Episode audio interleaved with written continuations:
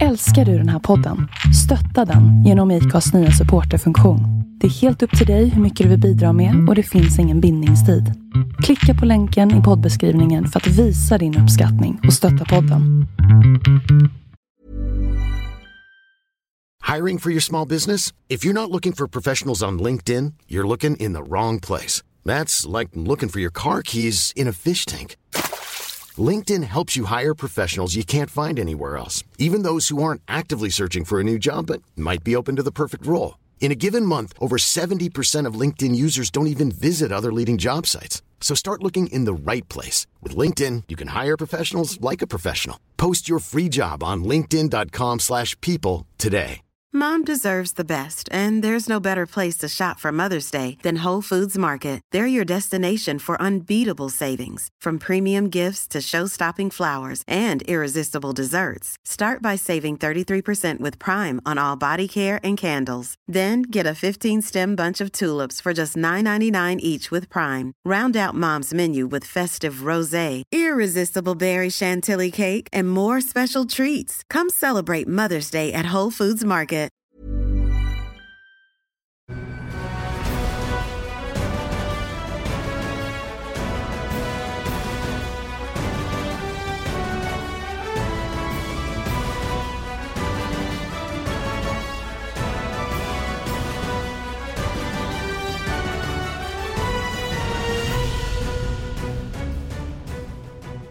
Ja, välkomna då till eh, ännu en MotoGP-podd och det har äntligen börjat röra på sig här under eh, det svenska vinterhalvåret med eh, nyss avslutade tester ifrån Sepang. Andreas, nu står vi här igen i eh, garaget, sen kväll och eh, vi har en hel del att prata om sen senast. Ja, hjärtligt välkomna till MotoGP-podden. Avsnitt, vad är vi på? 41. Ja, jag tror jag skojade lite grann om det där förra veckan med eh, att det börjar närma sig min ålder och din ålder har det passerat nu då i antal eh, poddar. Känns det bra? Känns väldigt bra. vi får se när vi kommer upp i din, det kanske dröjer halva säsongen. Nej, det ska du inte göra nu tänker jag. Nu har vi ju, nu har vi ju faktiskt eh, Jag tänkt tänkte det till långt här. upp till din ålder, var så jag tänkte. Ja, ja, ja. Inte Är riktigt så långt, men eh, det, vi har ju tänkt till i alla fall och, och ska göra en mer regelbunden satsning på de här eh, poddarna under säsongen. Så, så är det ju sagt, eller hur? Absolut, det är klart du ska göra det. Ehm, och eh, vill du veta en annan sak statistiskt? Ja, gärna. Det är faktiskt så att förra avsnittet som vi släppte för eh, ja, ungefär en vecka sedan, det slog lyssnarrekord.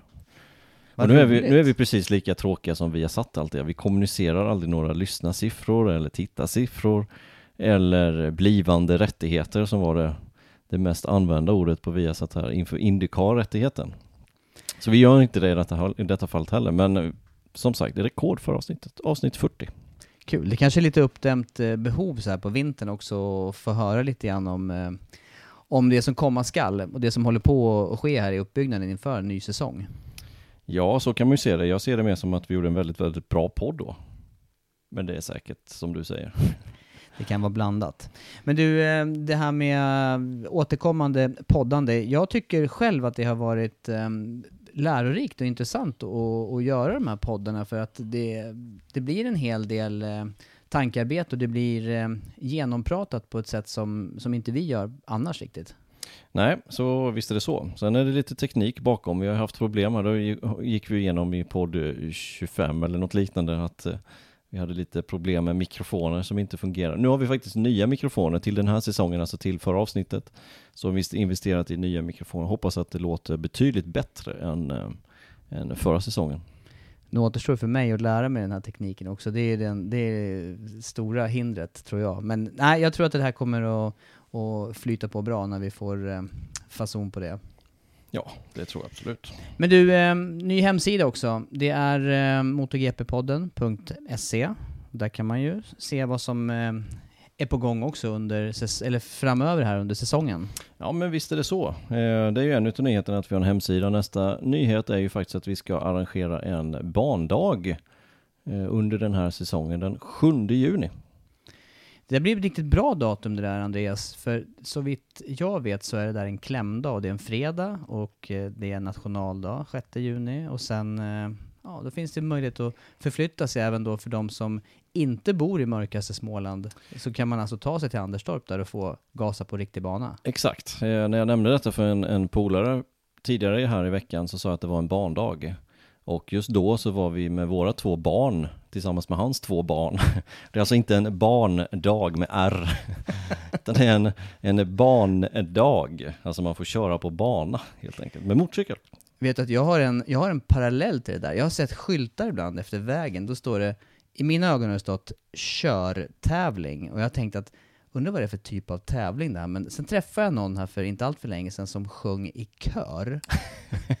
och hon berättade då att, att det finns körtävlingar. Okej, okej. Ja, jag tror att det, att det är det som har skyltats alltså. Så jag, ja, jag borde ju... Det har uppenbarat sig för dig det här nu Mm, också. det finns Just olika det. sätt att tolka och höra in vad Ja, man är just det. intresserad av.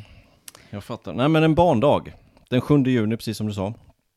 Eh, så vi drar lite detaljer kring den också kanske. Ja det tycker jag. Det är ju intressant att veta då för den som eh, känner sig manad att testa. Det ska man ju absolut göra om man, dels om man inte har kört, men även om man har kört en del och vill, eh, vill ha möjlighet att åka på full stor bana, för det är ju Anderstorp. Absolut, det är den största banan vi har i Sverige. XGP-bana dessutom. Nej men vi kommer att ha tre grupper, vi kommer att ha 20 minuters pass. Föråkare kommer finnas eh, på plats. Vi kommer ju vara på plats givetvis. Eh, med varsin hoj, så det finns ju möjlighet att åka lite med oss om man eh, vill det. Inga banrekordtider lär inte, lär, det ju inte slås den här dagen, men, men kul ska vi ha och eh, det är det absolut viktigaste. Och eh, 1500 spänn per deltagare. Det låter väl jättebra? Vi hoppas ju det. Ja. Jag hoppas det blir en väldigt rolig dag och att det är eh, bra väder och uppehåll. Det där eh, känns, nej det känns riktigt spännande. Jag personligen har faktiskt tänkt på det här vid många tillfällen att, eh, att eh, göra ett sånt här typ av evenemang och jag har långt tillbaka i tiden deltagit i en hel del sådana här evenemang också. Jag, genomgående har jag varit väldigt nöjd och glad personligen åt varenda gång jag varit iväg. Mm. Vi hoppas att det blir kul. Absolut.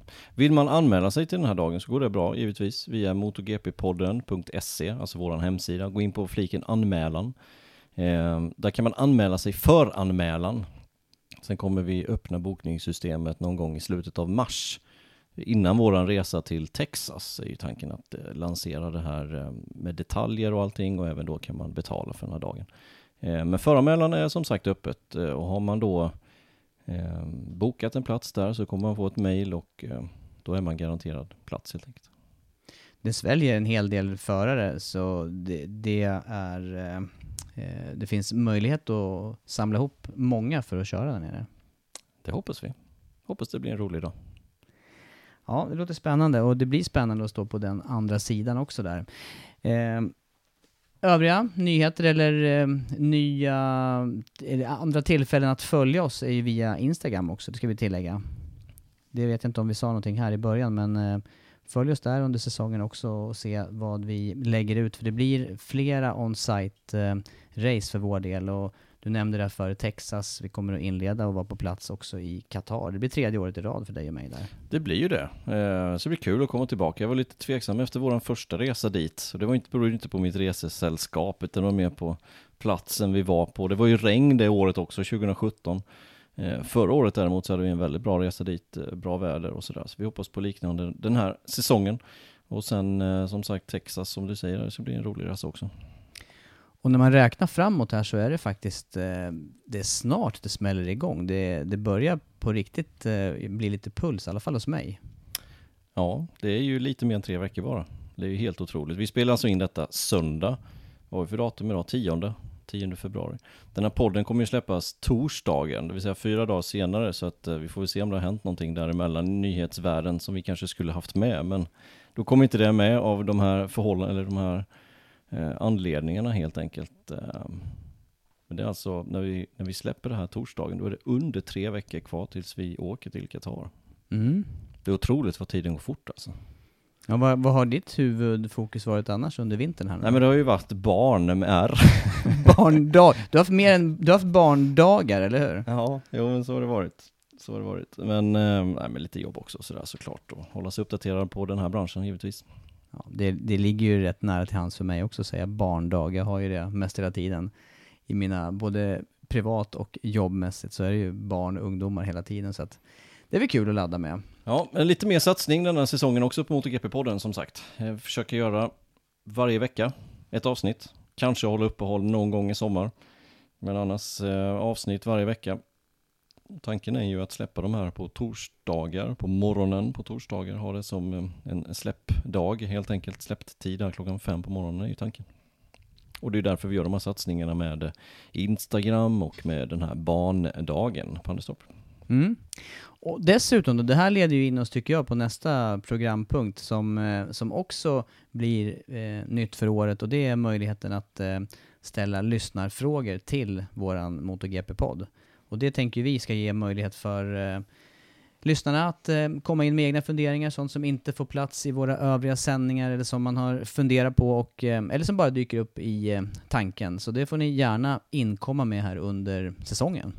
Absolut, använd våra sociala medier, alltså Instagram är ju bra, Facebook funkar också, men även vår hemsida så finns det ett kontaktformulär där, alltså motogppodden.se. Och där har vi fått vår första fråga för året. Ska vi dra den på en gång? Jag tycker det. Vi kör, eh, vi kör vidare med eh, årets första lyssnarfråga. Och då är det Fredrik Lindblad från Eskilstuna som har ställt den här frågan. Och eh, han undrar, vad har vingarna på kåporna för funktion? Och detta är ju någonting faktiskt som vi varit inne på i sändningen ganska många gånger. Men ser man inte alla sändningar och framförallt träningar så kan det vara lätt att missa just eh, när vi har pratat om detta. Mm. Jag själv då som eh, har följt det här länge, eh, jag vill minnas att det här med vingar, alltså någon påbyggnad på kåporna, det var jag, jag för mig att jag såg det här första gången på saxenring, och det måste vara runt tio år sedan. Kan det, kan det stämma? Nu drar jag till med någonting här som jag faktiskt inte har kollat, men jag för mig att Nicky Hayden och Ducati kan ha kört det här för länge sedan. Just över det här krönet upp på start och målrakan. Just det, just det. Ja men det kan nog stämma när du säger det. Jag vet inte om det, vi får väl efterforska Ett tag sedan är det nu i vilket fall som helst. Ja, ja så är, och tiden går fort så att ja. jag, drar till med tio år. Ja, det har du rätt i. Nej men i modern tid, visst är det här en, eh, en eh, idé och tanke som eh, grundar sig i den här förenklade elektroniken som man nu kör med, där, där man har en enhetselektronik på, som gäller för alla fabrikat. Exakt. Det, det, var ju då den riktigt slog igenom och, och till säsongen 2016 eh, då införde man den här programvaran och ECU, alltså från Magneti Marelli och enhetsprogramvara. Eh, och den förändringen blev ju en förenkling gentemot vad HRC och Yamaha och Ducati kunde åstadkomma själva. Och summan av det blev att man fick lite för mycket wheel. helt enkelt. Det gick på, för mycket på bak, alltså vi pratar nästan 300 hästkrafter på en sån här motorcykel, 158 kilo. Det går på bakhjulet utan att tveka. Då måste man ha någonting som håller ner framhjulet och då har man elektronik till sin hjälp. Men problemet är ju att när man går till en enklare elektronik då är det svårare att ställa in just den saken. Och då kom ju de här vingarna väl till pass för att just pressa ner framhjulet i asfalten igen så man kan lägga på mer gas, man får kraften rakt fram och inte upp i luften för det, man vill ju inte åka wheelie. Det är ju, det är ju bara, det, det kostar ju bara tid helt enkelt. Mm. Ja men det här är ju eh, och jag vet att jag var ganska kritisk eh, säkerhetsmässigt till de här vingarna i början. De var ju, såg dels rätt vassa ut och det var, det var utstickande och ganska spetsiga och kantiga påbyggnader på, på kåporna. Det stämmer, men det, det kom ju lite mer Eh, alltså inte i första skedet. Första skedet så var det ju Ducke som släppte det här och alla undrade liksom vad är det för någonting och nästan skrattade åt det. Sen kom jag på att det satt på Yamaha-cyklarna och fick Rossi och Lorenzo i det läget och fick de frågan, hjälpte de här vingarna? Och då sa de bara jajamensan, de hjälpte jättemycket, men det var ju mer ett undertonen i var det att det hjälpte inte ett skit. ja, men just då var det så. Ja. Sen har det hela tiden tagit steg framåt och anledningen till att Ducati var just först med det, det var ju för att redan inför säsongen 2015, alltså året innan man införde den här obligatoriska programvaran och ECU, då körde ju de med den. Medan Yamaha och Honda fortsatte med sina egna eh, ECU och egen elektronik. Så de fick ju faktiskt ett, ett år eh, försprång när det gäller just den saken. Det var därför också de inte var fullt konkurrenskraftiga just den säsongen.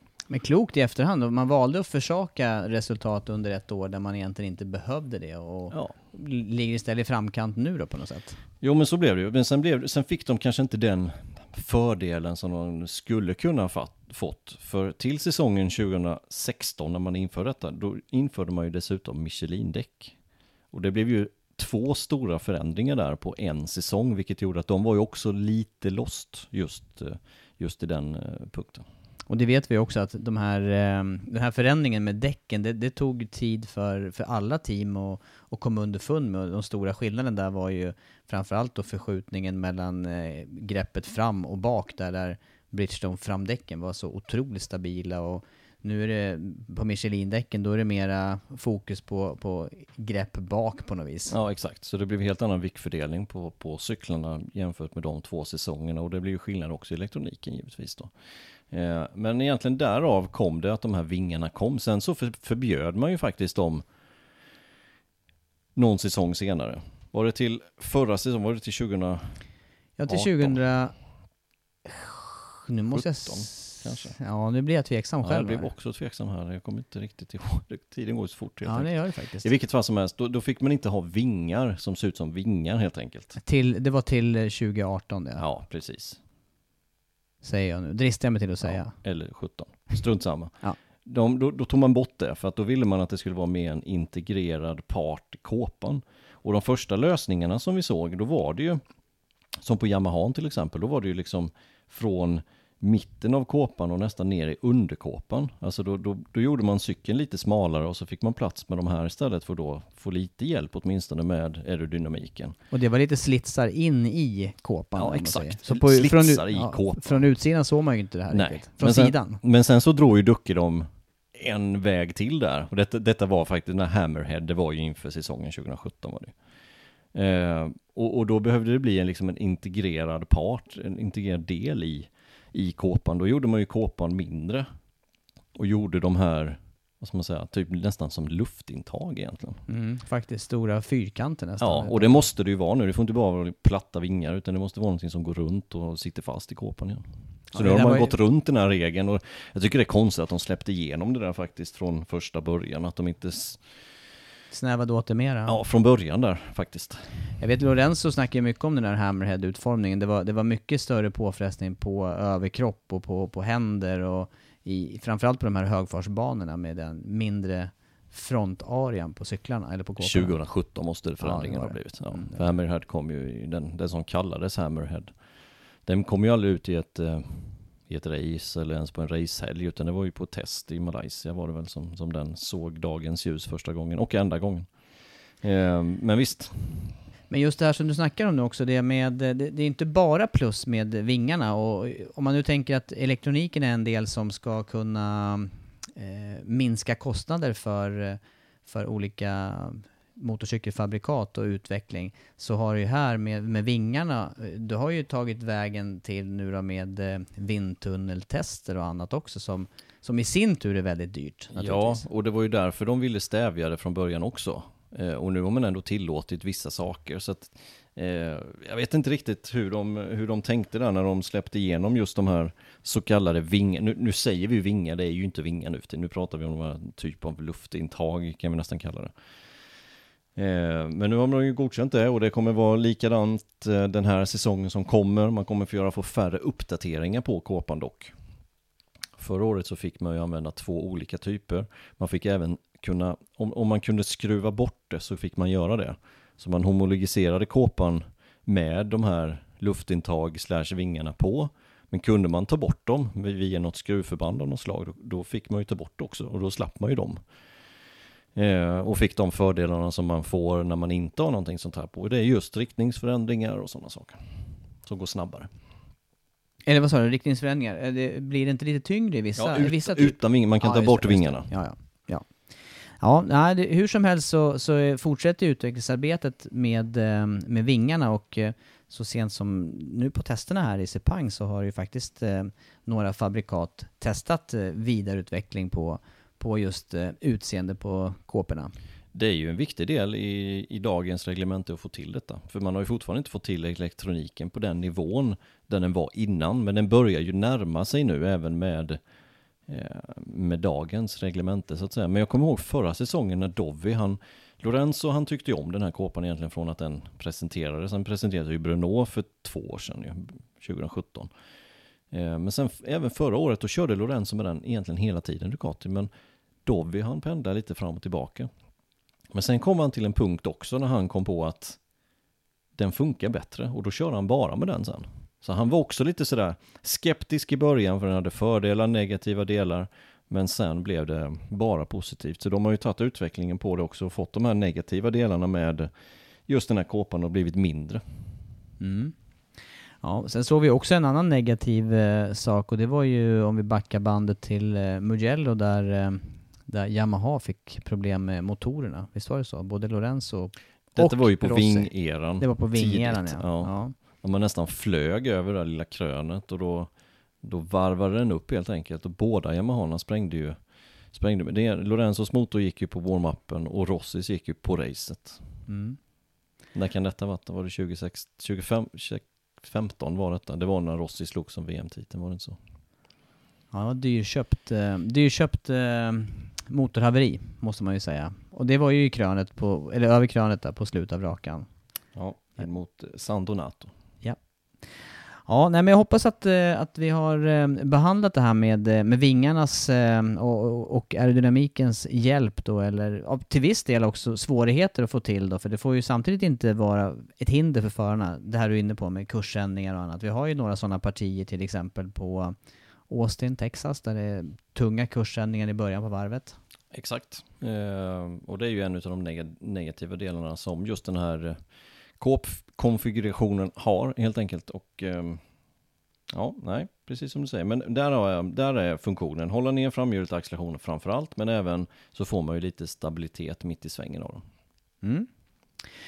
Du, eh, ska vi ta nästa steg här nu då i, eh, i eh, kvällens eller veckans avsnitt? Jag tänker på med, vi ska vidare mot testerna i Sepang, men innan dess så har det ju blivit lite förändringar vad det gäller startnummer, startlista och uppställning i årets serie eller mästerskap. Ska vi dra dem? Jag tycker att du kan... Vi drar dem i nummerordning helt enkelt. Ja, Mm. gör det.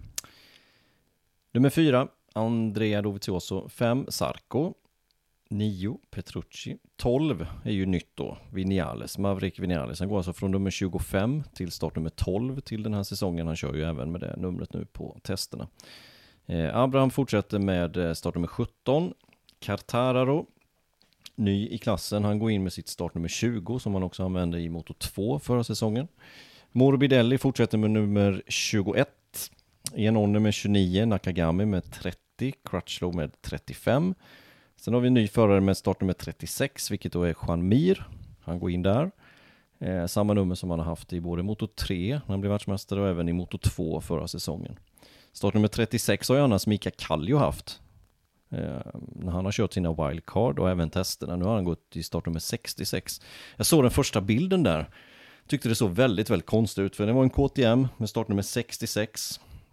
Och så stod det 36 på hjälmen, så jag fattade ju att det var Kallio. Mm. Men 66 för mig är det Alex Hoffman. Ja, jag tänkte också säga det. det. Och han, som- han testade ju faktiskt KTM-cykeln tidigare här under hösten. Han är ju gammal MotoGP-förare och nu är han journalist då på, eh, vad heter tv-kanalen? Servus. Servus TV i tysk tv. Mm. Eh, och jag vet ju att han provkörde den här så jag tänkte vad fasen har de glömt att byta startnummer på den här cykeln? Det var ju väldigt amatörmässigt men så var det ju inte utan det är Kallio helt enkelt som har gått till nummer 66 de wildcarden han kommer köra. Om han kommer köra något, det är inte det klart vad jag vet. Men Nu har ju KTM där istället eh, satellitteam, så nu har de ju fler Ja, cyklar exakt. igång. Precis, så jag vet inte hur det blir med Kallios wildcard om det blir något. Eh, Aleix Sparger fortsätter med 41, sen har vi Rins då på 42, Jack Miller på 43, Paul Sparger på 44 och så Rossi på 46. Rabatt 53, Syarin fortsätter med 55. Och sen kommer Banjaya då med startnummer 63. Han har ju haft 42, hade han ju i motor 2, han hade ju 21 i motor 3, så han har ju gått 21 21 steg hela tiden nu då. 21, 42 och nu 63. Motor 3, motor 2, motor 3. Jag tycker det är lite fränt ändå. Eh, Oliveira går in på 88. KTM-föraren för Tektra. Han hade ju 44 förra säsongen eh, när han körde i motor 2. Dubblade det helt enkelt, 88. Och så Marcus 93 och Lorenzo 99. Det är de startnumren som är. Mm. Lite nya namn alltså och några förändringar där på siffrorna, startnumren. Vi får väl se då om vi Känner igen dem. känner igen dem ja. Förhoppningsvis så gör vi det. Men eh, det, det är alltid svårt som du säger där med det här och mm, det, det är på något vis fastrotat de här Det eh, numren numera när de följer varandra. Men det här vet jag ju att jag haft synpunkter på också. Jag, jag gillar ju den här eran när det var Fasta Eh, startnummer vit, efter vit resultatlistan. botten, svart stor siffra och så var det förra årets VM-resultat. Ja, vi har ju pratat om det här många gånger, säkert hundra gånger i podden och minst lika många gånger sändning och du är för och jag är emot. Men tänk dig när man kom förr i tiden när det inte fanns eh, internet och grejer och sen bara helt enkelt sätta sig vid bankanten och så vet man att ja men där är förra årets världsmästare, tvåan, trean, fyran. Ja, det var jättebra då, men vi lever ju faktiskt i 2019 nu. Och det lov- finns faktiskt mobiler med internet i nu för tiden. Det är sant. Ehm, men däremot så kan jag tycka att startnummer ett borde världsmästaren ha. Och var det inte så, jo det var så, ehm, i mellandagarna så har ju Spanien sin version av första april. Jo men så är det. Det är nytt för mig. Ja, nej, men i mellandagarna så har de sin version, man ska skoja lite. Eh, och då passade ju alla spanska förare på att skoja lite grann. Och då var just Marquez skämt, det var just att han skulle köra med nummer ett den här säsongen. Och jag vet flertalet på olika forum gick på det här, eller forum, olika grupper på Facebook som jag är med i, de gick på det här och det blev världens grej att någon avslöjade att det är första april idag. eller motsvarande dag i Spanien. Så så var det inte, utan han kommer köra med 93. Men eh, jag tycker att han borde kört med nummer ett. Ja, då hade han haft nummer ett nu. Det hade kunnat bli hans fasta nummer nästan. De senaste tio åren hade han kunnat haft det ungefär. Ungefär. Ungefär. Ja, senast någon hade startnummer ett, när kom vi fram till att det var, var det Lorenzo det? Säsongen 2000, nej det var faktiskt Stoner som Jag hade tänkte säga om det inte var 2012. Stoner ja. ja. Mm. Det känns så faktiskt. Stoner 2012 hade det numret och eh, Lorenzo 2011. Mm. Och innan dess så var det väl Hayden då, 2007. Det är Sen inte var det ett tag sedan Det innan dess. många. Kenny Roberts hade han ett någon gång. 2001, visst hade han det? Han vann ju VM 2000. Just det ja. På Suzuki ja. Ja, visst hade han startnummer ett 2001? Ja, det känns ja, det som. Jag tror det. Jag minns inte hans ordinarie startnummer så att... Eh, Nej, han hade ju två då när han vann. Startnummer två hade han år 2000. Och sen vann han ju mästerskapet år 2000 och då borde han ju haft nummer ett år 2001. Och då Mm. vann ju Rossi och sen Rossi har jag aldrig kört med startnummer ett utan alltid varit 46 fanns det. Tre Ja. stycken då på Är det- 2000-talet, fyra stycken på 2000-talet. Vad säger du själv då? Är det här bara marknadsföringssyfte? Att man har eh, sina fasta startnummer eller igenkänningssyfte? Eh, syfte, eller, Ja, men det är ju nästan ett, ett marknadsvärde i det liksom. Det har ju blivit så. Eh, att det är ju det är ju det som är föraren liksom. Startnumret. Och sen är det några nummer som faktiskt är pensionerade också, som inte är möjliga att Mm. välja längre. Det är det. Eh, nu har jag inte de i huvudet såklart. Det var bra att du ställer den frågan. Men det är fyra jag vet, nummer. Jag vet ett i alla fall. Ja, jag, jag vet också några. Men tar du ett då? 34. Ja, det är vi helt överens om. Är, Kevin Schwantz. Ja. Ja, då säger jag nästa då. 58.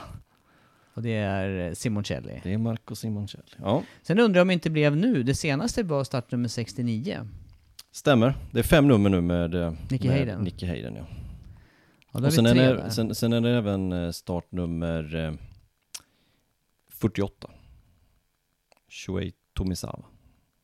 Just det. Shoya Tomisawa. Shoei Tomisawa. Mm.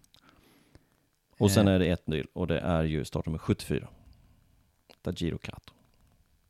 Ja, det stämmer. Det är de fem det. Jag fick för mig att det var... Ja, det... det Kom jag på dem även fast du satte Ja, mig bra. på pottkanten. Bra. Bra jobbat. Jag hade inte dem i huvudet själv, så det var skickligt. Nej men de fem är det som är pensionerade. De får ingen använda i, något, i någon av klasserna. Eh, 58 däremot eh, får man använda om man har tillåtelse från Paolo Simoncelli, alltså Simoncellis far eller hans familj är det väl mer eller mindre. Om de godkänner att någon använder 58 så får man använda 58 men det kommer inte vara någon som ansöker om det, inte i närtid i alla fall.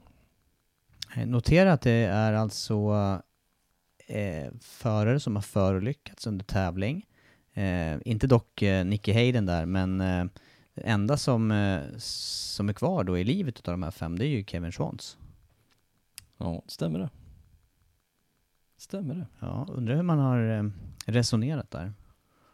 Ja, Det får vi försöka...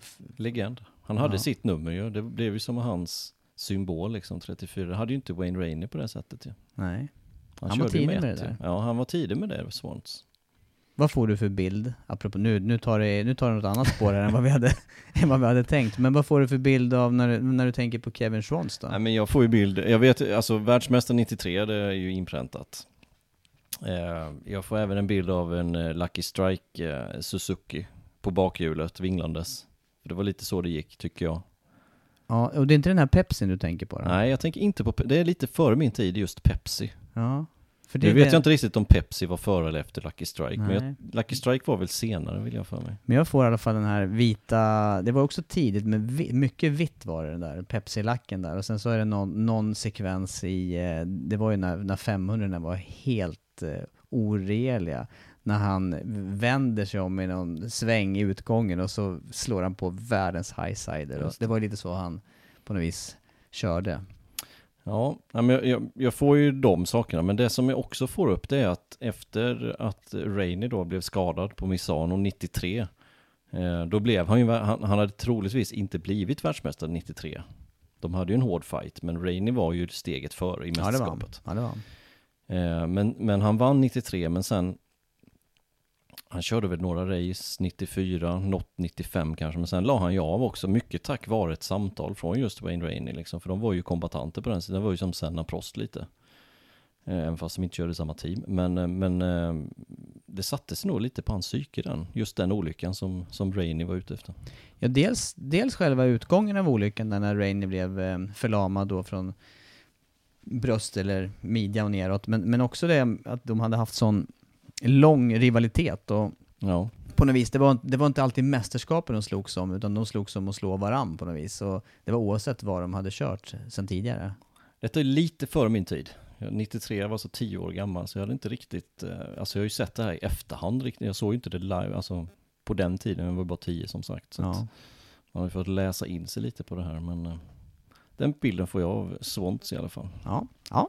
Och att han inte riktigt var den här han satt inte på det bästa materialet, det gjorde han inte, men han körde vildast, men han körde ju inte snyggast liksom. Alltså han var ju ingen Lorenzo liksom i körningen. Nej, nej, nej. Utan nej det snarare det var motsatsen. det var spektakulärt. Ja, och- visst var det så. Men det tilltalade många, och bland annat mig där vet jag. Ja, det är min fars favorit också vet jag också. Men, Ja. Mm. Ja, ja, det var om startnumren Det det. var sidospår. Ja, det var väldigt sidospår. When you're ready to pop the question, the last thing you want to do is second guess the ring.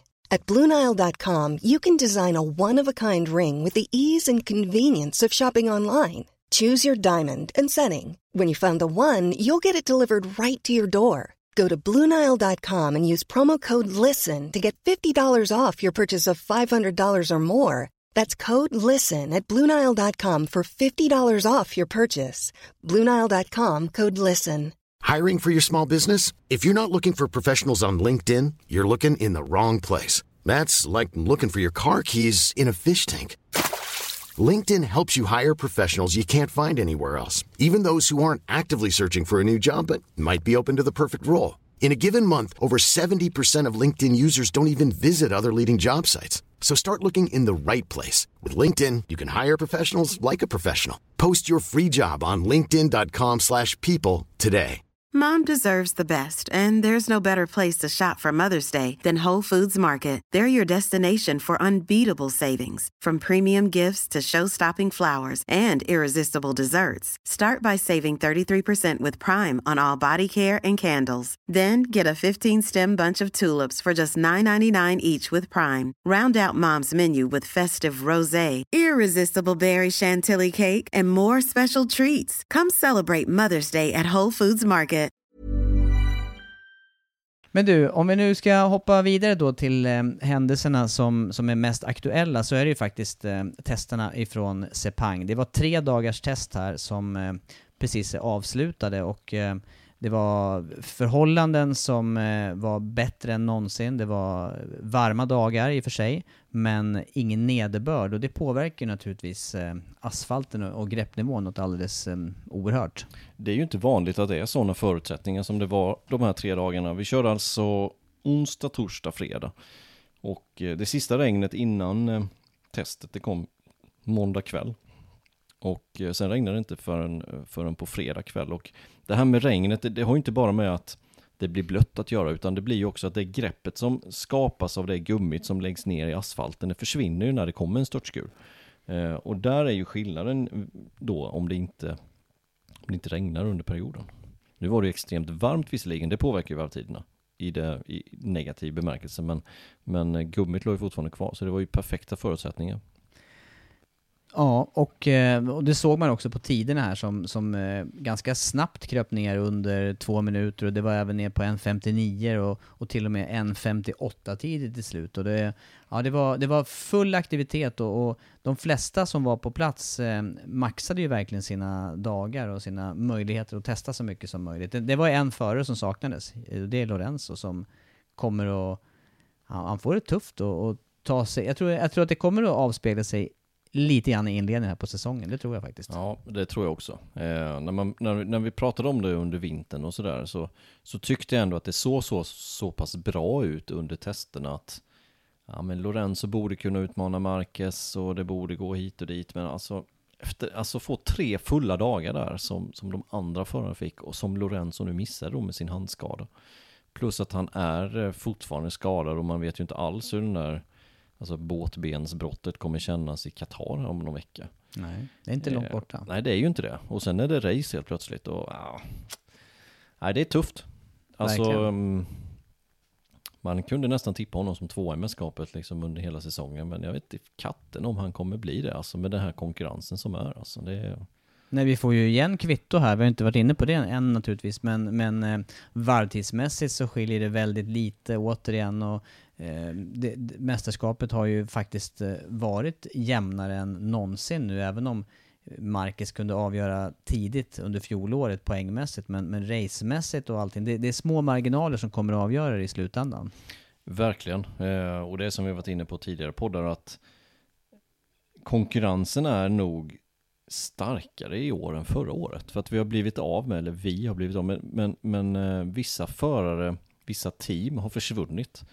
Och och, ehm, sen har det kommit in väldigt bra rookies den här säsongen också så att jag tror det kommer bli jämnare i år än, än förra året. Och förra året var ju fenomenalt redan då. Så att, nej, men det har, det har snäppat upp ett, ett steg till. Vi nämner då Lorenzo för Honda eh, och ju team med Marquez och, och, det konstaterade vi redan för en vecka sedan här att eh, skadeläget är ju ganska massivt i Honda-lägret. Det är eh, Marquez då som testar sin axel. Eh, Crutchlow också skadad, körde nu fort i och för sig i Sepang, men det, det är två ganska rejält eh, tilltufsade förare faktiskt.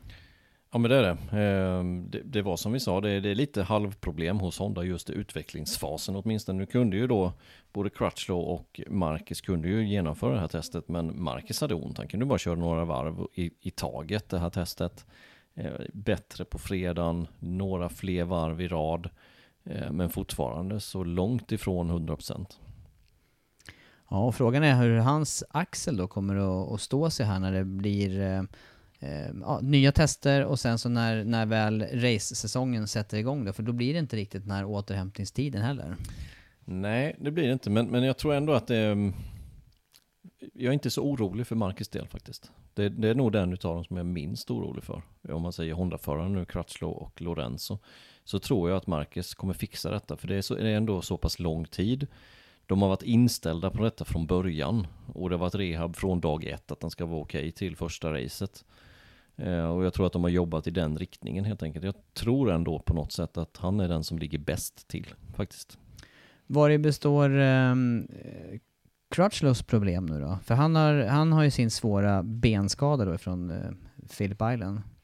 Han har den, eh, och den såg ju inte vacker ut när vi fick ju se någon 3D-skiss där som var släppt på nätet. Det såg ju inte bra ut alltså.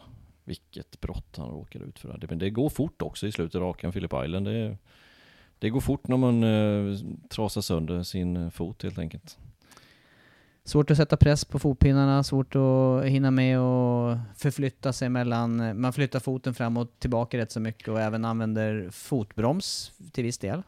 Ja, visst är det så. Eh, det går ju att justera så man använder tummen till exempel till den vänster tummen, men det är ingenting som man bara vänjer sig vid på ja, någon testdag sådär, utan det är någonting man måste ställa om eh, helt enkelt och göra det och det, det är inte så jättesmidigt. återstår en hel förare då om man tittar på Honda och det är alltså Takaaki Nakagami som åker LCR Honda även eh, den här säsongen. Mm, det gör han. Han toppade ju testet också i, eh, i Jerez. Bara en sån sak. Otroligt. Det gjorde han inte detta race, eller detta race, denna, detta testet. Slutade på en nionde plats där, Nakagami. Men jag tycker ändå att han, det ska bli intressant att se vad han kan leverera, även fast han inte är någon toppförare. Vi, vi eh, räknar inte med att han ska liksom eh, ta pallplatser i år och sådär, men 17-hojen som han körde på förra året, den var inte speciellt bra den Hondan. Nu kör han ändå på fjolårsmaterial som är betydligt bättre. Eh, det ska bli intressant att se vad han kan, vad han kan bidra med helt enkelt resultatmässigt. Och sen så är det inte alls omöjligt att han kan få lite bättre uppdatering heller på sin, på sin cykel. För nu finns det inga fler 18 cyklar. Eller fjolårscyklar. Utan nu är det bara han som åker på 18. Ja. Mm. Intressant. Ja, jag tycker det. Tycker det. Ja, tre skadade förare alltså hos Honda och sen då Takaaki Nakagami. Eh, vi får också se då hur, eh, hur eh, han kommer stå sig i racedistans. Men vi har eh, förutom då Honda, eh, det är ytterligare fem fabrikat, det är sex totalt.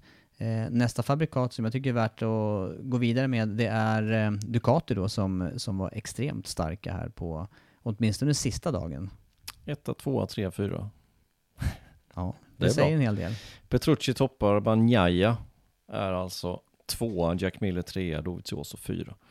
Skiljer tre tiondelar de eh, fyra emellan och det är alltså mm, tre stycken GP19 och sen så är det Banjaya då som är tvåa faktiskt då på det här testet med en GP18. Eh, väldigt snabbt. Eh, Petrucci då som är ny i fabriksteamet. Vi vet att han förberedde sig mycket under slutet av förra året för det uppdraget. Eh, och även då eh, Banjaya då som är eh, helt ny i klassen och som är extremt snabbt uppe i fart. Verkligen. Är faktiskt lite imponerande när man ser den tiden som han satte. Han alltså 63 tusendelar efter Petrucci. Ehm, på sitt tredje test då på MotoGP, eller officiella test åtminstone, sen har han kört något test till. Han fick inte han en testdag eller fick prova en cykel i alla fall efter han det var efter Moto 3-mästerskapet? Exakt, när han körde Mahindra där ja. så, så fick han väl testa en, eh, en Pramac Ducat mm, vill jag så var det. Men det var ju tre, fyra år sedan det. Eh, men väldigt snabbt marscherat. Eh, imponerande faktiskt, även fast detta bara är en varvtid och han har problem att sätta flera snabba varvtider i rad. Men, men kan man sätta en sån här tid, då är man ju ja, långt på väg. Du vet mm. vad jag brukar säga, det här med krascher och fart. Och ja, visst är det så. Det är lättare att lära sig sluta krascha va, än att lära sig åka fort. Ja, exakt. Och här kan han ju åka fort. Det är ju helt uppenbart. Ja. Även fast han inte kraschar mycket heller, det är det som är grejen med honom. Men då behöver han kanske då förbättra sin eh, konsistens, vad säger man? Eh, ja, det är jämnhet. Jämnheten ja, i varvtiden. Men det är alltså fyra förare här och det är Fabriks Ducati och det är eh, Pramac Ducati. Vi vet att eh, Jack Miller där har eh, också senaste modellen utav Ducati. Och sen så var du inne på det tidigare här Andreas också, att det är ett eh, bättre material generellt sett i, eh, i klassen. Och, och det, det såg vi också resultatmässigt här på Tito Rabatt som glädjande är tillbaka i sadeln också. Ja, absolut. Nu var inte han bättre än 14 i det här testet, men han tidsmässigt hänger med och ja, men det ser också bra ut för, för Rabatt och även ett, ett steg uppåt för Karel Abraham, för det är ju de då tre förare, eller sex förarna då som kör på Ducati. Mm. Ja, vad säger du nu då om, eh, om eh, Ducatis val där och skifta Lorenzo till eh, Petrucci. Hittills då, med, om man tittar på testresultatet här så ser det ju lovande ut. Ja, det såg ju likadant ut förra året. Där var det Lorenzo som toppade listan efter eh, Malaysia. Då hade han satt ett nytt inofficiellt banrekord. Nu slogs det av sex förare den här gången och Petrucci alltså snabbast. Men eh, ja, vad säger vi? Alltså det är ju så många parametrar. Det är lön och det är ena med det tredje och personlighet och allt möjligt. Fartmässigt, resultatmässigt så är jag övertygad om att de hade haft större möjlighet och bra resultat med Lorenzo. Inte sagt att det är ett dåligt val av Petrucci. Nej, det blir spännande kan att se. Man säga så? Ja, det låter, jag tycker det där lät politiker, var politikersvar på den där? Ja, den tiden Politiker är över nu, den här politikerhärvan som har varit. Ja, ja. Den ska vi inte ta upp igen. Nej, men intressant. det har varit intressant också att se just eh, Ducati med eh, deras eh, olika varianter på tekniska lösningar som de fortsätter att presentera här under Ja, försäsongstesterna. Ja, visst. De var, de var först med vingarna, visst var det så? Ja.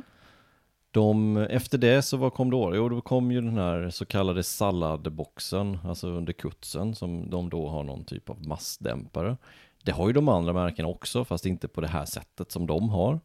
Eh, och sen så kom den här, ja, vad ska vi kalla det på svenska? Torque arm kallar de det på engelska. Ja, Det är torque är någon- ju vridmoment i alla fall. Ja, Men, vrid, eh, vridstaget då som är kopplat till fotbromsen. Den presenterades till Jerez. De håller fortfarande på att testa runt den här, se om den ska fungera. Och nu det senaste då, ja vad är det? Jo det är ju en stor vingmutter på gaffelkronan. Ja. Och vad är det då det här Tobias? Nej men eh, det, det här är ju någonting som ska möjligtvis då kunna hjälpa dem i eh, starten.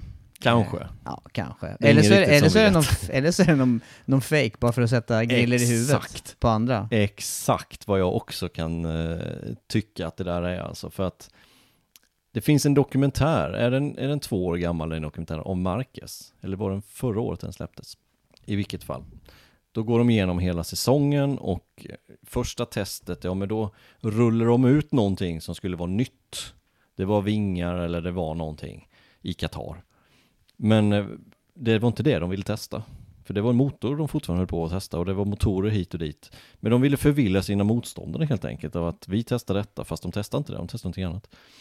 Det kanske är så här också. De har en stor vingmutter där som inte leder någonstans. Eller så gör den det, men de vet att det gör ingen skillnad. Och så testar de någonting helt annat. De har ju kommit med den här växellådan. Det var det ju snack om förra året, att de har liksom den här eh, seamless gearbox, och sömlösa växellådan modell nummer två. Men det var det ju snack om förra året, att de har infört den här, det var ju därför Bar Barbera hade problem, eh, ba Bautista. Just det, ja, ja, ja Inte på Barbara, Philip Island. Bautista. Ja, Han Ja. hade problem med just den. mm. Ehm, och det är ju ingenting som man riktigt vet, då kom den. Utan det är någonting som har kommit ja. Mm. Nej men om det, om det nu är någonting som, som ska ha med, med starten att göra, då är det ju, då, då, då görs ju jämförelsen där med, med supercross och med, med eh, andra mästerskap där man då har haft sänkta, man trycker ihop gaffeln och, och, och så håller den sig ihoptryckt tills första bromsningen i princip. Ja, exakt. Men nu, det, detta ska ju vara i så fall, om, om det, ryktena stämmer i depån, någon som har tittat på det, så ska det ju vara någonting som har med bak, bakfjädringen att göra helt enkelt. Och då är det kanske någon höjning istället då? Jo, men den, den komprimeras ju alltid när, när man drar iväg i starten och att det är någonting som förhindrar det helt enkelt och få ner fästet rakt fram. Eh, om inte jag minns fel, testade inte någon något superbike-team detta för tio år sedan eller något liknande? Det var Ja, jag vet Tenkate inte. Honda eller något Ja, liknande. Jag, vet, jag, jag har ett litet... Ja, sen vet jag inte exakt fullt ut exakt vad de testade, men detta är någon typ av det som du, du nämner här. Eh, som ryktet går då att den här stora vingmuttern, det ser ju helt konstigt ut om en vingmutter liksom. Det, för det är ju faktiskt en, Det är andra associationer. är det inte Ja. Leif GW som kallar sig själv det? Nå- I, ja, jag vet, tror det. Eh, hur som helst, eh, tek- teknik och eh, det, det kan visst vara förvilla, och för att förvilla eh, motståndet också, till viss del. jo men om det har funnits i cross så pass länge, borde inte någon då liksom har testat detta redan? Man tycker det. sätt. Jag tycker det. Ja, jag tycker också det. Med de resurserna som eh, framförallt Honda har och Yamaha. Vi ska säga det också att fokus, eh, det stora fokuset annars här på försäsongstesterna, det hör ju ihop med eh, motorerna, för det är de sen som är förseglade under året. Där får man ju inte göra någonting under säsong. Och där verkar ju både Honda och Ducati vara rätt nöjda med sina paket.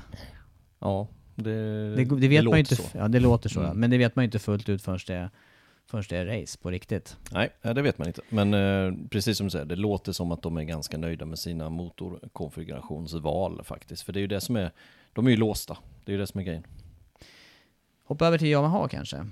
Japp. Eh, då har vi alltså Vinales Rossi på Fabriks Yamaha och sen är det då Morbidelli och Cartara då för Sepang Racing Team och då är det ju en fullfabrikare även där hos Morbidelli och generellt sett eh, positiva tongångar och där har ju också Vinales fått väldigt mycket positiv eh, återkoppling och eh, både att han själv har känt att det har funkat bra på testerna men också andra har ju sett det här.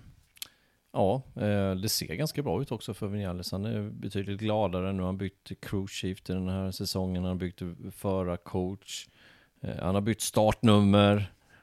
Nytt Ja, kapitel. Vända blad. Ja, det gjort nu, nu, nu har han vänt blad här, Vinales, och eh, toppade ju andra dagen här, alltså torsdagen, toppade, honom, toppade han och eh, ja, det ser, jag tycker ändå att det ser, det ser bättre ut i år än vad det gjorde i början av förra året för Yamaha. Det tycker jag. Och sen är det frågan om det räcker då hela Ja. vägen för att utmana Ducati och Honda hela, hela säsongen. Men, men det är inte det också det vi har eh, konstaterat sen tidigare, de här banorna då som man kör försäsongstesterna på. Nu är ju inte Philip Island med den här säsongen, men däremot eh, Sepang nu då och sen Qatar som väntar här. Det är inte riktigt de här banorna som är, som är talande för större delen av säsongen. Eh, nej, precis. Det var vi inne på lite i förra podden. Att vi, jag, jag tycker också det. Det är, det är två banor som är lite speciella. Eh, Malaysia med sin värme och, och sin layout. Det är en ganska stor bana. Eh, och så Qatar då med, med rätt sandiga förutsättningar. Kan vara i alla fall. Eh, så det är två som inte riktigt överensstämmer där. Men, men eh, ja, vi, vi får se helt enkelt om det håller i sig. Eh, Vinales är ju den som har visat framfötterna mest i Yamaha. Jag tycker även Morbidelli har gjort det väldigt, väldigt bra. Eh, och sen har vi Rossi då. Rossi är på en tionde, Morbidelli på en åttonde. Rossi som... Han är med, han är med där uppe, men jag tror inte han brydde sig riktigt om att sätta ett riktigt bra varv heller. Och det är därför vi hittar han runt tionde plats. Han, han, han gör sin tjugonde säsong i GP. Han vet att det är inte det här testet man ska vara snabbast. För det är, det, det är, liksom, det är noll poäng när man åker därifrån för alla ändå. Så att, Det ligger mycket i det där och det är också de jämförelserna som görs här också. Hur många snabba varv har man satt och hur, eh, hur, hur pass eh, jämn är man eh, på däck som har gått si och så många varv och hur mycket bränsle har man i cyklarna och så vidare. Och det är ju det som, som i slutändan kommer att fälla avgörandet här och det har vi ju sett stora svårigheter då till exempel för Vinales förra året som, som hade bedrövliga inledningar på racen och som på något vis fick jobba sig tillbaka varenda, varenda racehelg. kan du undra om man har jobbat på det under vintern här nu? Det ska, det ska bli faktiskt intressant Ja. att följa. Det ska det faktiskt. Inledningen av racet för Vinales, för det var ju katastrof hela förra säsongen. Och det känns som att det sitter mycket liksom mellan öronen där. Han kanske ska ha den där vingmuttern då, så han kommer flyger in i första sväng. Som han kanske ska köra Ducati helt Ja, enkelt. han kanske går dit och spionerar här nu så han får den där vingmuttern. Ja, men summa summarum där på Yamaha-sidan då, positiv eh, inledning på, på testandet. Det tycker jag. Eh, Kartarar också, han är 16 han är 1,3 sekunder efter. Jag tycker ändå att han, han eh, har gjort det bra här i inledningen. Eh, ska nog inte förväntas mer heller, utan någonstans där. Vi vet ju att Yamaha är väldigt, väldigt, väldigt enkel inom parentes att köra. Eh, det såg vi förra året med Syarin. Syarin som har det betydligt kämpigare den här säsongen, eller den här inledningen i alla fall, och han kommer ha det kämpigt den här säsongen. Mm. Ja, då är vi alltså... Ja, tänker Andreas? Vi pratade lite om lacken för Yamaha. Vad tycker du om den? Den presenterade de ju dagen efter vi hade spelat in podden senast. Ja, du Den- tänker det- fabriks-Yamahan där? Fabriks-Yamaha. Ja. Den Ja, blev men, svart. Ja, det blev svart. Det blev, det, det blev ganska mycket mer svart som, eh, som vi var inne på och spekulerade på. Det, är ju, det ser ju coolt ut tycker jag. Det, det blir... ehm, eh, det är inte den färgen, svart är naturligtvis inte det som syns allra bäst på banan. Det är rätt mycket svart på, på um, även det andra Yamaha-teamet. Eh, men eh, ja, jag måste säga att jag tycker eh, det är ett snyggt paket där. Du som är mycket för design, tycker det var bra alltså. Ja, jag tycker det. Vad säger Ja. du själv då? Nej, men jag, jag är inte helt förtjust i det faktiskt. Skulle du vilja ha mer färg? Ja, jag tycker att svart, det, det, Det tar ju bort lite utav... det ser eh, inte factory ut. det tar Får jag säga bort, så? Det ser inte factory ut. Ja, till viss del gör det det, för att då blir det så här. Ja, i vilket fall. Jag, jag tycker att, eh, ja men det är ju de färgerna. Så det är ju blått Yamaha och det är svart för Monster med lite inslag med, med blåa ränder i det svarta på vissa ställen och sådär. Så att, eh, det var väl en ganska, Det var en väntad färgkombination. ja det kan man väl säga. Men det, det tar bort lite av eh, de här detaljerna. Det, det, det går ihop till ett lite grann det här svarta. Så gör det om man, om man ser det på håll. Eh, Ja. Kommer man nära så ser man ju detaljer ändå, men eh, det kan ju vissa färgavvikelser hjälpa till i övrigt. Ja, nog om detta. Eh, efter Yamaha, efter Honda och Ducati och sen Yamaha då, så tycker jag vi kan växla över till Suzuki och där har vi åtminstone ett stort utropstecken och det är Alex Rins. Verkligen. Han, han, eh, på snabbaste varv så är han bara 12 Men tittar man på de varvtiderna som han satte här under de här tre dagarna så han är ju en eh, förare att riktigt räkna med om man går på de varvtiderna. Absolut. Hade det varit en FP4 de här tre dagarna till exempel, då hade han ju kunnat vara med och utmana om segern. Definitivt. Tillsammans med Vinales.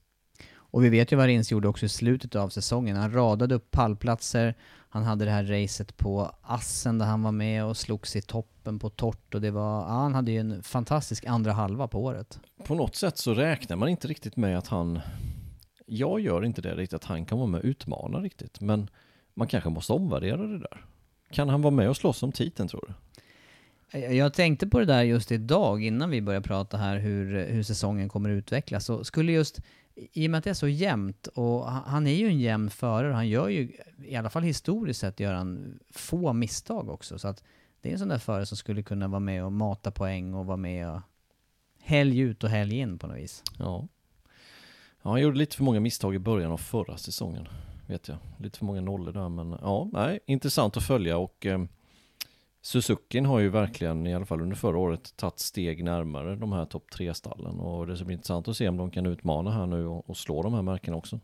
Verkar som att de har fått också mer pulver i motorn och mera, det, det är ju den biten som framförallt har varit eh, den svaga punkten på Suzuki. Annars har de ju bra chassi, bra hanterbarhet och eh, kanske en av de allra bästa just hanterbarhetsmässigt. Absolut, absolut. De har ju haft problem, som, precis som du säger, med att för lite effekt helt enkelt. Det såg man ju vissa gånger. Det såg vi även i slutet av förra året på Ianone till exempel. Och en av anledningarna till att inte Ianone kunde vara med att, eh, att vinna racet på just Philip Island var nog dels dåligt planerat race av Ianone, men även att det saknades lite pulver.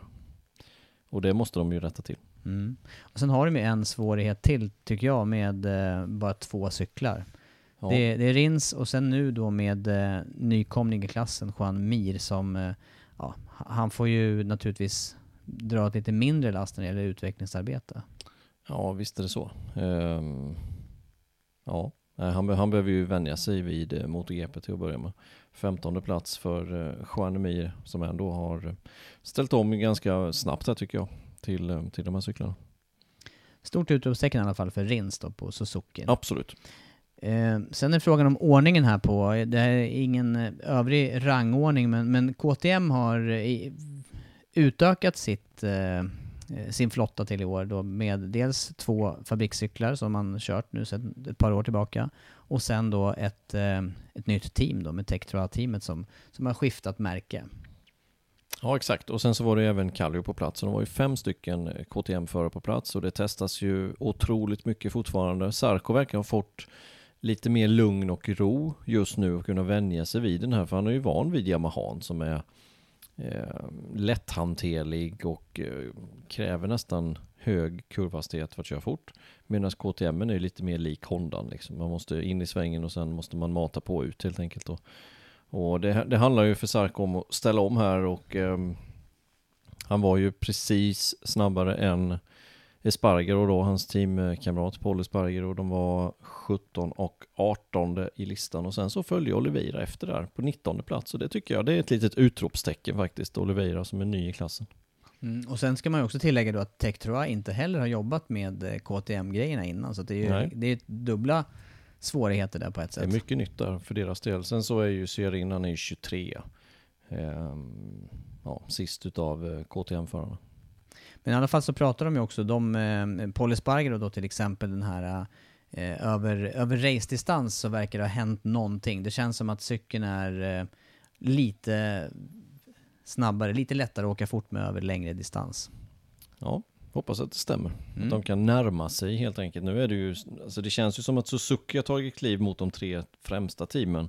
Och nu är det ju då KTM som måste närma sig ännu snabbare mot just då Suzuki då. Och det känns som att det är ett ganska stort glapp däremellan men att KTM håller på och ja, ta igen det där försprånget Förhoppningsvis så hjälper ju reglementet till med det här. För Suzuki har ju inte någon möjlighet att utveckla motorer det här året och, och de har ju den här, de har ju samma förutsättningar nu som eh, de tre stora fabrikaten. Och testdagar, allting sånt där. Så, så det gör ju en stor fördel för eh, Aprilia och KTM.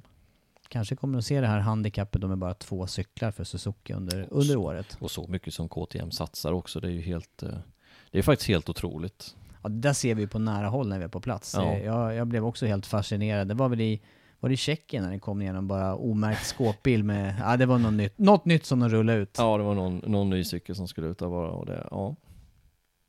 klart, kul. mest, klart mest testande. Det tycker jag vi hör också när vi snackar med, med Mika Kallio att det är mycket att mata igenom de här. Det säger ju även testdagarna. Espargaro.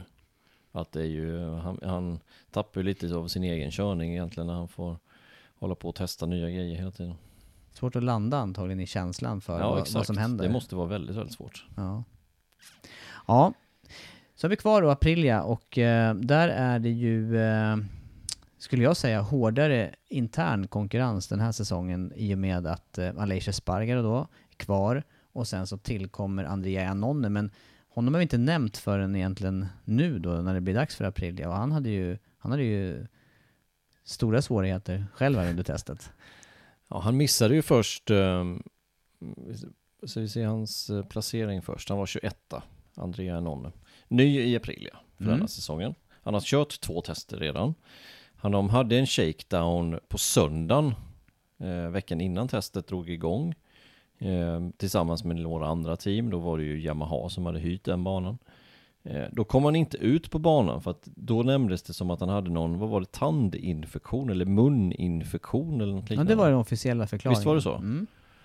Eh, och sen körde han ju ganska sparsamt också här under de här tre testdagarna. Och, och sen efter testet så fick man ju läsa lite vad som kanske egentligen ligger bakom eller ryktet går väl helt enkelt. Och, och frågan är väl om det är den här muninfektionen. Eller om, det, eller om det är förbättringar, utseendemässiga förbättringar då som ligger till grund för det här. Det, är väl, det är väl det som har ryktats om, att han eh, har antingen då lagt sig under kniven eller sprutat in någonting för att förbättra utseendet. Jag vet inte. Det är spekulationer naturligtvis. Spekulationer. Det måste Men- vara svårt att på sig hjälmen då eller? Ja, exakt. Särskilt om det är någon, någon eh, form, formgjuten där. Men kan det här stämma? Jag vet inte riktigt. Nej, jag har också läst de här ryktena. Jag var tvungen, Det när, jag- bara- när jag själv läste och såg det, här, det var jag faktiskt tvungen att jämföra lite bilder från förr och nu. Och någon slags förändring kan man nog se om man tittar på, på bilder bara för några år sedan. Men, eh, ja, men det är det inte, måste det är ju- inte den här, det är inte den här totala förändringen. Det är inte Michael Jackson-förändring vi pratar om här. Men om det är så här så är det ju Det är, det är orutinerat att göra det precis innan test, höll jag på att säga. Det här är ju ett superviktigt test för honom. Ja, Superviktigt. Ny, ny cykel och allting och så missar han de här dagarna. Det är, nej, det är inte bra alltså. nej, skulle det verkligen vara så, då är det ju sämsta möjliga läge att förbättra utseende på. Han skulle gjort någonting för att göra sig snabbare istället. Smalare axlar. Operera in, tajta till axlarna så han är mer spolformad. Han är ju snabb, det är ju det som är grejen, att man vill ju se honom. Vi, vi, först ville man ju se kvar honom i Ducati, sen ville man att han skulle vara kvar i Suzuki. Nu är han hos Aprilia som då kanske på pappret är det sämsta märket. Eh, och nu vill man ju se att han levererar där också, för att det är ju bara några säsonger sedan så vann ju han race alltså. Det var ju bara, det var 2016 var det inte Ja, det? visst. visst. Red Bull Ring. Ja, Ja. då vann han race alltså. Och, och nu är han ju förpassad till källaren nästan. Ja, det är märkliga vägar det tar. Men det ska ju gå och, ja, man måste ju som sagt, man måste ta sina chanser och göra, göra bra utav de möjligheter som finns. Har han inte gjort det då? Jo, Han höll på att vinna på Phillip Island med Suzuki. Han vann för tre år, två och ett halvt år sedan. men det är för sent på säsongen. Visst är det det? Det verkar som att det är bestämt, det är bestämt redan innan. Då, då taggar han till. Mm. När Han skallade Paul Espargaro på Misano också. Också bestämt. Det Det är många år sedan, men ändå. Ja, det är faktiskt... Det, jag, blir full, jag tänker på det här varje gång man kommer. Jag, jag, hade inte du tagit upp det så hade jag varit tvungen att säga det själv. Här. Ja, men på något Ja, det, är sätt mest, är det det... är den mest udda grej jag sett efter en krasch någonsin. Jag var ju faktiskt på plats, jag satt i kommentators... Jag såg såg, det där, jag såg det där live, ute i sandfållan. Han bara fällde ju Paul Espargaro in i sista sväng. Det här måste ju vara 125. Ja, visst var det det. Eller ja, hur? Visst, visst. Ja. Det måste ha varit Bromsa 2011 in på insidan i sista sväng, fäller Paul Espargaro och springer efter han i sandfållan och skallar han. Som att det var Espargaros fel att han låg där. Han var Ja, i vägen. Ja, han var i men vägen. 2011 måste detta ha varit en liten... Ja, då höll ju faktiskt Janonnes karriär på att ta slut. Det gjorde den ju. På riktigt. Det var för, ingen... för det sen var, snackade han ju massa skit också i, eh, i media precis och efteråt. då var det inte bara om Paul Espargaro, då var det ju hela, Spanska maffian, ja. hela Iberiska halvön. Till och med det. Ungefär så var det. Ja, Ja. jösses. Ja, ja. Nej men i vilket fall är Janone då, han, eh, är, skulle det vara så, skulle det ligga någon sanning i de här um, spekulationerna då, då, då är det ju illa valt tillfälle att snygga till sig på. Han får kamma sig istället och komma igen i sadeln när det blir, när Är det blir dags för nästa test. nog eller? Jag tycker ju det nu. Verkar ju inte vara något problem ändå. Åker Bentley gör han. Ja. Och verkar ju i alla fall roa sig så bäst, bäst han kan när han är ledig från motorcykel. Ja. Ja, vi får, vi får väl återkomma till det här när vi vet närmare. Ja, om vi får reda på sanningen här. Men i vilket fall som helst, han körde inte speciellt många varv, men eh, slutade på 21 plats. Hans teamkamrat då, Alicio Sparger och sjua. Återigen ser man det här Aprilia ganska högt upp. Eh, han är, ska vi se, Ducati, Yamaha, Honda, Aprilia. Han är ju före första Suzuki, de är ju fjärde märkena på det här testet. Före Suzuki och KTM. Det kanske inte riktigt stämmer jämfört med hans fart, för han är, han är ju bra på att sätta ihop ett varv. Alicio Sparger och han har alltid varit. Sätta ett bra varv, kvala bra eh, och sen fallera lite grann då. Men sjunde tid för hans del, det ja. Hoppas att de också kan ta ett steg, både KTM och Aprilia tar ett steg framåt. Tittar man på um, vad de själva går ut med inför säsong så är det ju en, det är en hårdare satsning eh, för, att, för att ta det här sista klivet som man håller på att förbereda. Ja, för att eh, alltså jag tror inte det är någon är helt gratis. Det tror jag inte. Nej, det tror inte jag heller. De har nog investerat uh, mycket pengar i honom och få honom till sitt team. Det tror jag. Även fast Janone hade nog säkerligen inte speciellt många alternativ eh, när han blev sparkad från Suzuki, men eh, eh, det är inte gratis ändå. Nej. Nu har vi vandrat igenom här, de här sex märkena och, och förarna och eh, någorlunda konstaterat vad som har hänt här i Sepang under tre fantastiskt, eh, eller fantastiska, men de har varit tre dagar med fantastiskt bra förutsättningar skulle jag säga. Tydligen får man inte säga fantastiskt längre. Men vem säger så?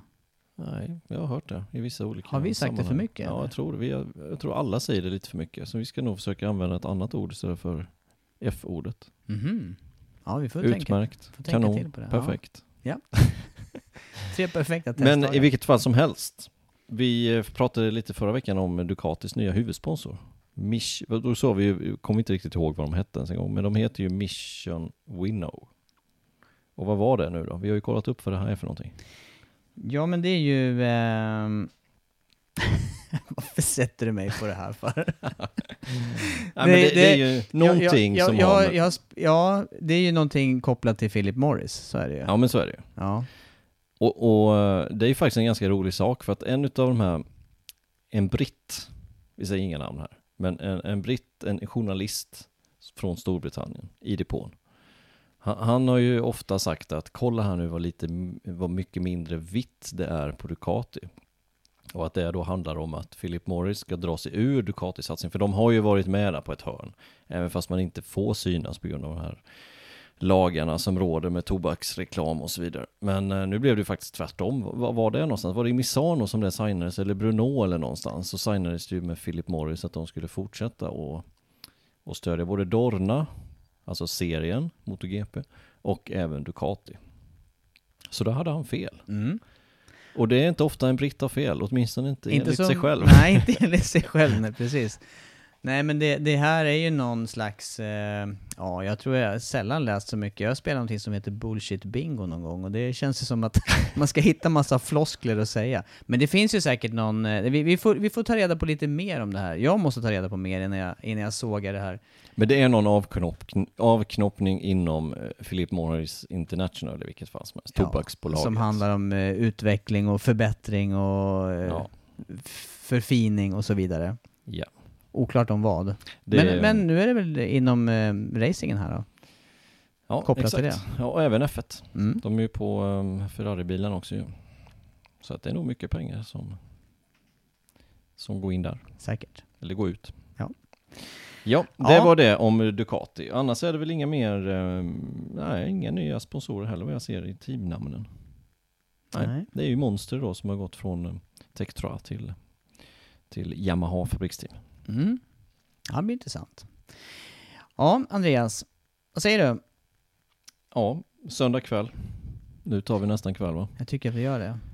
Och så förväntar vi oss, eh, kan ni förvänta er att eh, det blir eh, eh, med mer regelbundenhet poddande här och eh, nya avsnitt på torsdagar. Och sen så ser vi ju fram emot naturligtvis också nästa test i Qatar när, när en, en del utav det som eh, har kunnat gå att utläsa från det här första testet i Malaysia, när det kan eh, bekräftas då möjligtvis.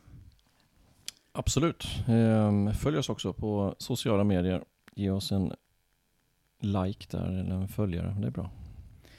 23 till 25 februari är nästa test eh, i Qatar och innan dess så återkommer vi med eh, ny podd. Så gör vi. Tack så mycket!